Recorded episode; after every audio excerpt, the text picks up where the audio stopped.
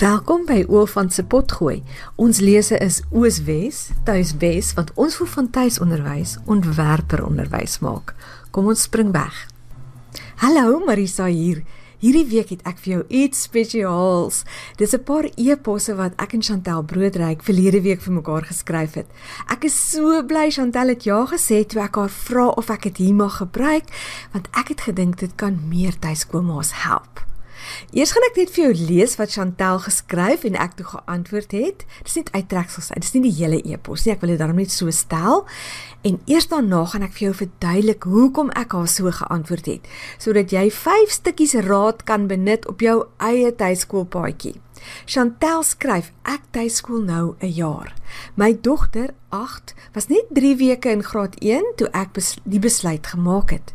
Dit was 'n groot gebedsaak. Ek weet dis wat God vir my gesê het om te doen en ook gelukkig so want toe tref die COVID storm.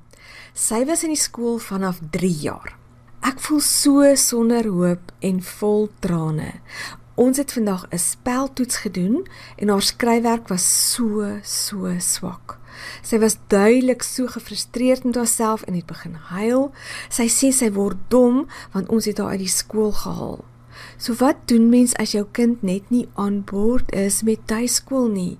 Ek begin in die oggend angs kry oor die emosionele storm wat my tref sodra sy iets nie reg kry of ek bietjie raas oor sy speel en nie werk nie.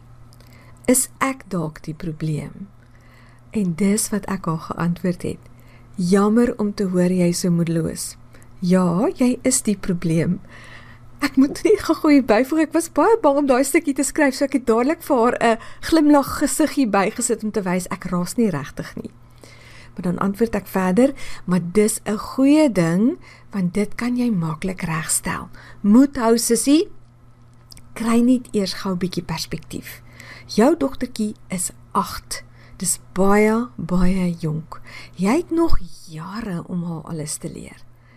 Dis heeltemal normaal dat 'n kind van 8 nog sukkel om te skryf en te spel. Sy's nog besig om te leer. Niks het verkeerd geloop nie. Sy tel jou frustrasie op en dan begin sy dink daar's iets verkeerd met haar. Jy moet anders na haar kyk, dan sal sy anders na haarself kyk. So oefen net weer om die pragtige kind wat die Here vir jou gegee het in haar volheid raak te sien al haar eienaardige dingetjies, al haar cuteheid, alles wat haar uniek en so liefhebbaar maak. As jy begin angstig raak, kom elke keer net weer terug na die gedagte ek het 'n pragtige kind. En nou begin ek regtig raas, hoor? Nou vra ek nou vra ek vir Chantel, hoekom toets jy haar spelling op hierdie stadium? Dis totaal en al onnodig en dit skep net spanning vir jou en vir haar. Laat sy net elke dag iets afskryf uit die Bybel of uit 'n storieboek waarvan sy baie hou. As sy hou van teken of inkleer, laat sy daai afskryfbladsy op die mooiste manier versier. Maak haar trots op haar werk. Wys haar net weer leer is lekker. Doen net 'n bietjie leeswerk uit julle leesboek elke dag, net so vir 10 minute, maar doen dit getrou. Onthou dat jy baie vir haar moet voorlees uit lekker storieboeke. Voorlees bou haar woordeskat en voed haar breintjie met hoope en hoope goeie voorbeelde van die taal wat sy gaan gebruik om haar met lees en skryf te help. En gesels met haar. Vra haar uit. Nie om haar te toets nie, maar om haar te leer ken en om haar so ver te kry om haar gedagtes uit te druk. Op haar ouderdom moet sy maksimum vir 'n uur per dag formele werk doen en ook nie aan een nie. 'n Kind op daardie ouderdom kan hoogstens vir 15 minute op 'n slag konsentreer. Die res is speeltyd. Speel is goed vir haar. Speel bou haar verbeelding.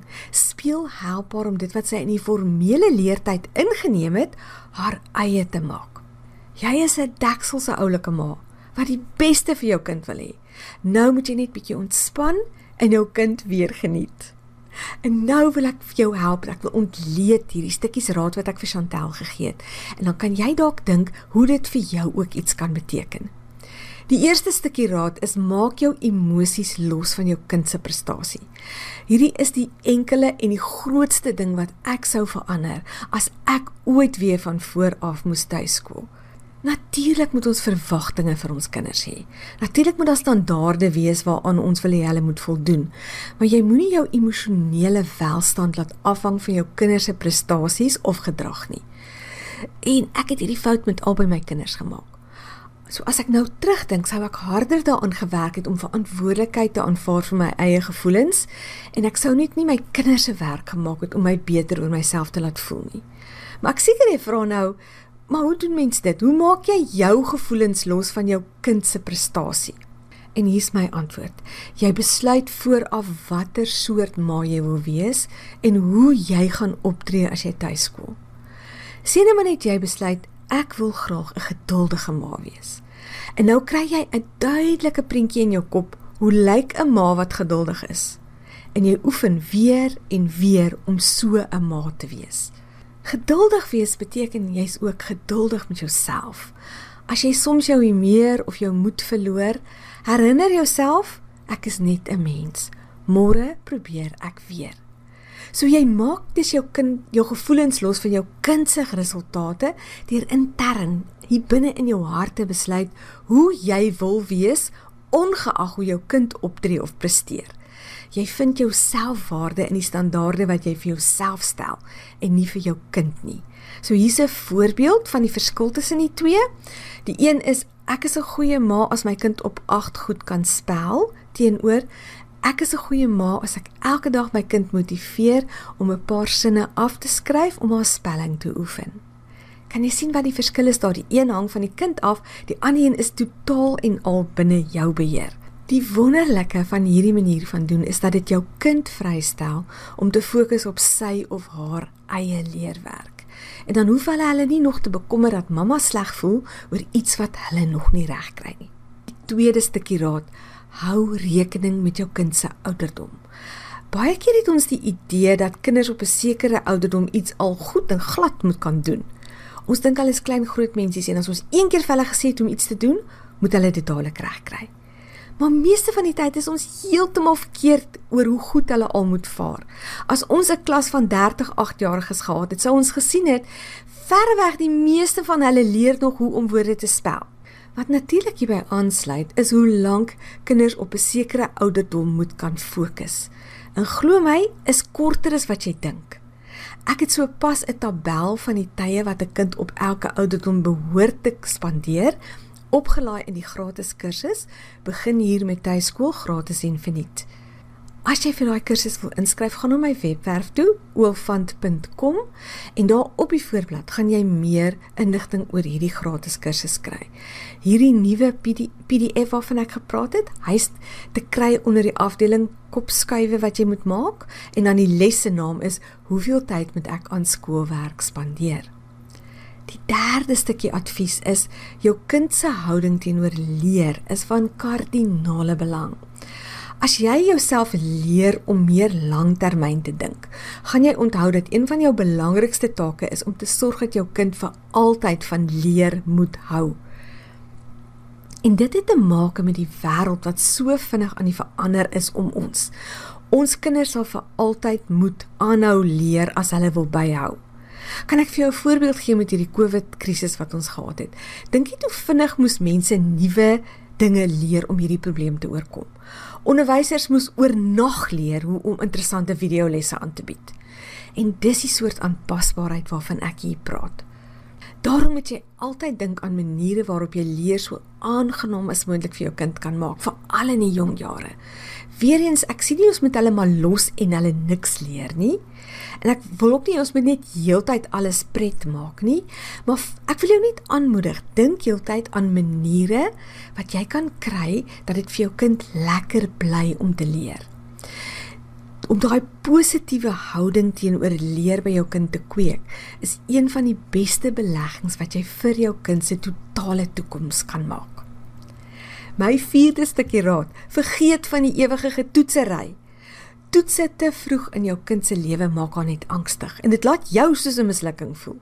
Daar's beter en lekkerder maniere om byvoorbeeld aan jou kind se spelling te werk as om haar elke week 'n toets te laat skryf.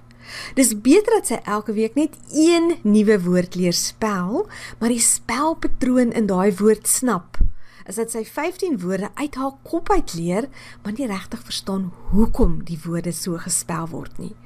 Verder, as jy met jou kind gesels en haar uitvra, is die idee ook nie om haar uit te vang nie. Dis ook nie om haar te toets nie. Met die gesels van haar het jy net een doel voor oë. Jy wil haar aanmoedig om soveel as moontlik vol sinne te sê want sy's besig om te leer hoe om haar vlot uit te dink. Dis eintlik voorbereiding om goed te leer skryf. En nou die laaste stukkie raad, speeltyd is groeityd. Dis verskriklik belangrik dat jou kind in die laerskooljare veral genoeg tyd het vir vrye spel. Soos wat ek vir Chantel verduidelik het, gee speeltyd jou kinders kans vir konsolidasie van kennis om te kan plaasvind. Hulle breine is tydens speeltyd besig om inligting en konsepte te verwerk en hulle eie te maak. Dis nie vermorste tyd nie, dis lewensbelangrike groeityd. Maar asseblief, speeltyd is nie televisie of video kyk tyd nie. Dis rustig wees tyd tyd wat hulle kan teken of inkleer of met klei of hulle poppe of karretjies speel. Tyd wat hulle op hulle magies lê en mure dophou of wat hulle op hulle ruggies lê en kyk of hulle prentjies in die wolke kan sien. Dis tyd wat jy moet toelaat dat hulle breine net kan inhaal. Oor voorlees en hoe om taalwerk oor die algemeen aan te pak het ek al baie gepraat, maar ek beplan om binnekort 'n hele pot gooi daaroor te maak.